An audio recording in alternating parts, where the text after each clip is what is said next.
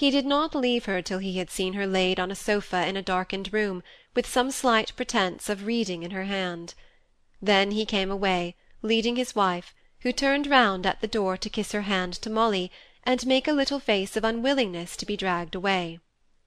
"No, Hyacinth," said he, as he took his wife into the drawing room, "she will need much care. She has been overworked, and I've been a fool, that's all. We must keep her from all worry and care but I won't answer for it that she'll not have an illness for all that." Poor thing! she does look worn out. She is something like me, her feelings are too much for her. But now she has come home, she shall find us as cheerful as possible. I can answer for myself, and you really must brighten up your doleful face, my dear. Nothing so bad for invalids as the appearance of depression in those around them. I have had such a pleasant letter from Cynthia to-day. Uncle Kirkpatrick really seems to make so much of her, he treats her just like a daughter. He has given her a ticket to the concerts of ancient music. And Mr. Henderson has been to call on her, in spite of all that has gone before. For an instant Mr. Gibson thought that it was easy enough for his wife to be cheerful, with the pleasant thoughts and evident anticipations she had in her mind, but a little more difficult for him to put off his doleful looks while his own child lay in a state of suffering and illness which might be the precursor of a still worse malady. But he was always a man for whom immediate action as soon as he had resolved on the course to be taken, and he knew that some must watch while some must sleep, so runs the world away. The illness which he apprehended came upon Molly, not violently or acutely, so that there was any immediate danger to be dreaded but making a long pull upon her strength, which seemed to lessen day by day, until at last her father feared that she might become a permanent invalid. There was nothing very decided or alarming to tell Cynthia, and Mrs. Gibson kept the dark side from her in her letters. Molly was feeling the spring weather, or Molly had been a good deal overdone with her stay at the Hall and was resting. Such little sentences told nothing of Molly's real state. But then, as Mrs. Gibson said to herself, it would be a pity to disturb Cynthia's pleasure by telling her much about Molly. Indeed, there was not much to tell, one day was so like another. But it so happened that Lady Harriet, who came whenever she could to sit a while with Molly, at first against Mrs. Gibson's will, and afterwards with her full consent, for reasons of her own, Lady Harriet wrote a letter to Cynthia, to which she was urged by Mrs. Gibson. It fell out in this manner. One day, when Lady Harriet was sitting in the drawing room for a few minutes after she had been with Molly, she said, "Really, Clare, I spend so much time in your house that I'm going to establish a work basket here. Mary has infected me with her notability, and I'm going to work mamma a footstool. It is to be a surprise, and so if I do it here, she will know nothing about it. Only I cannot match the gold beads I want for the pansies in this dear little town; and Hollingford, who could send me down stars and planets if I asked him, I make no doubt, could no more match beads than My dear Lady Harriet, you forget Cynthia. Think what a pleasure it would be to her to do anything for you. Would it? Then she shall have plenty of it. But mind, it is you who have answered for her. She shall get me some wool too. How good I am to confer so much pleasure on a fellow creature! But seriously, do you think I might write and give her a few commissions? Neither Agnes nor Mary are in town." "I am sure she would be delighted," said Mrs. Gibson, who also took into consideration the reflection of aristocratic honour that would fall upon Cynthia if she had a letter from Lady Harriet while at Mr. Kirkpatrick's. So she gave the address, and Lady Harriet wrote. All the first part of the letter was taken up with apology and commissions, but then never doubting that Cynthia was aware of Molly's state, she went on to say, I saw Molly this morning. Twice I have been forbidden admittance, as she was too ill to see any one out of her own family. I wish we could begin to perceive a change for the better, but she looks more fading every time, and I fear Mr. Gibson considers it a very anxious case. The day but one after this letter was dispatched, Cynthia walked into the drawing-room at home with as much apparent composure as if she had left it not an hour before. Mrs. Gibson was dozing, but believing herself to be reading. She had been with Molly the greater part of the morning, and now after her lunch, and the invalid's pretence of early dinner, she considered herself entitled to some repose. She started up as Cynthia came in. "Cynthia! Dear child, where have you come from? Why in the world have you come? My poor nerves! My heart is quite fluttering. But to be sure it's no wonder with all this anxiety I have to undergo. Why have you come back?" "Because of the anxiety you speak of, mamma. I never knew, you never told me how ill Molly was." "Nonsense! I beg your pardon, my dear, but it's really nonsense. Molly's illness is only nervous, Mr. Gibson says, a nervous fever. But you must remember nerves are mere fancy, and she's getting better. Such a pity for you to have left your uncle's. Who told you about Molly?" "Lady Harriet. She wrote about some wool." Oh, I know, I know; but you might have known she always exaggerates things. Not but what I have been almost worn out with nursing. Perhaps, after all, it is a very good thing you have come, my dear. And now you shall come down into the dining room and have some lunch, and tell me all the Hyde Park Street news. Into my room, don't go into yours yet. Molly is so sensitive to noise. While Cynthia ate her lunch, Mrs. Gibson went on questioning.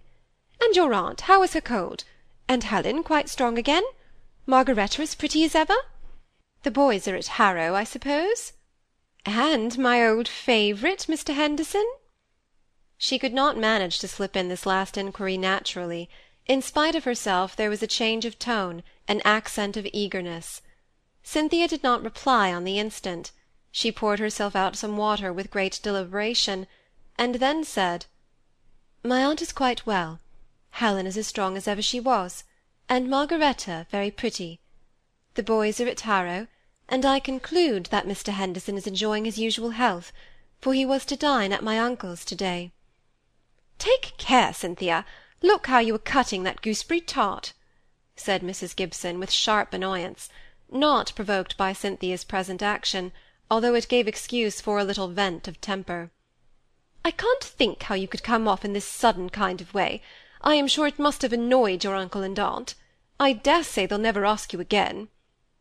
"On the contrary, I'm to go back there as soon as ever I can be easy to leave Molly." "Easy to leave Molly!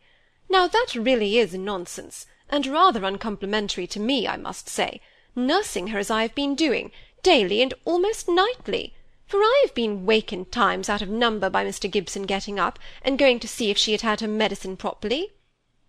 "I'm afraid she has been very ill?" asked Cynthia. "Yes, she has, in one way, but not in another. It was what I call a more tedious than an interesting illness. There was no immediate danger, but she lay much in the same state from day to day." "I wish I had known," sighed Cynthia.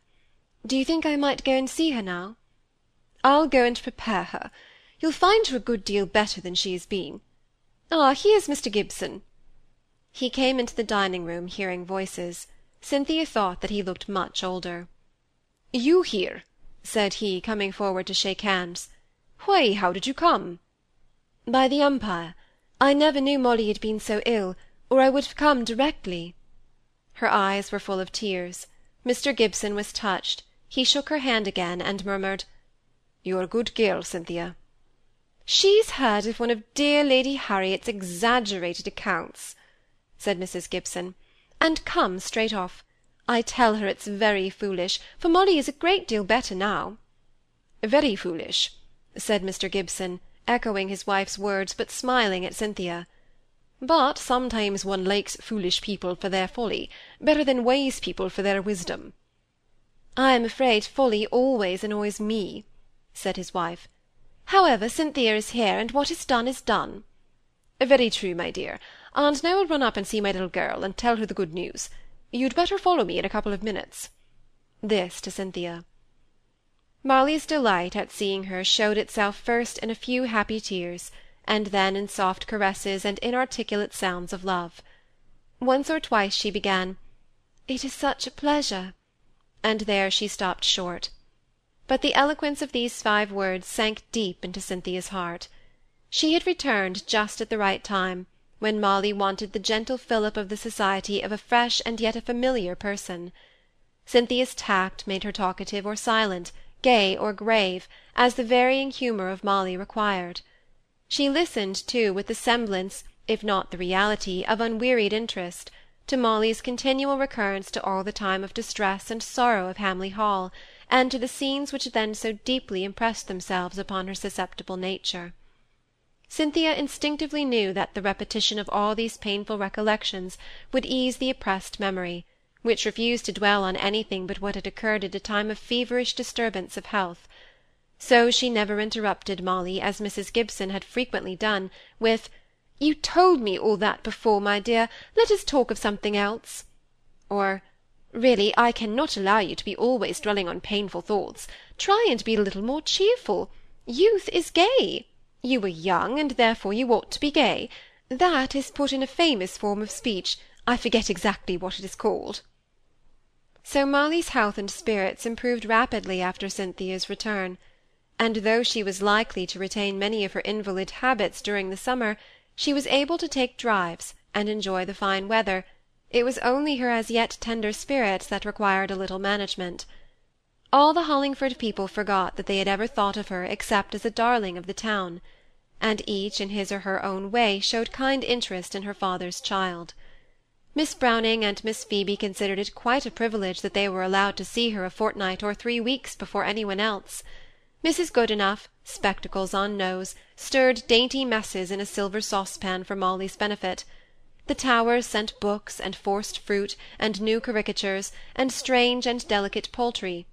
Humble patients of the doctor, as Mr. Gibson was usually termed, let the earliest cauliflowers they could grow in their cottage gardens, with their duty for Miss. And last of all, though strongest in regard, most piteously eager in interest, came Squire Hamley himself.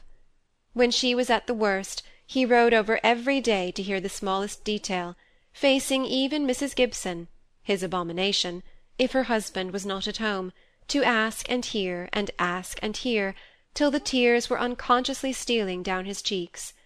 Every resource of his heart, or his house, or his lands was searched and tried, if it could bring a moment's pleasure to her; and whatever it might be that came from him, at her very worst time, it brought out a dim smile upon her face.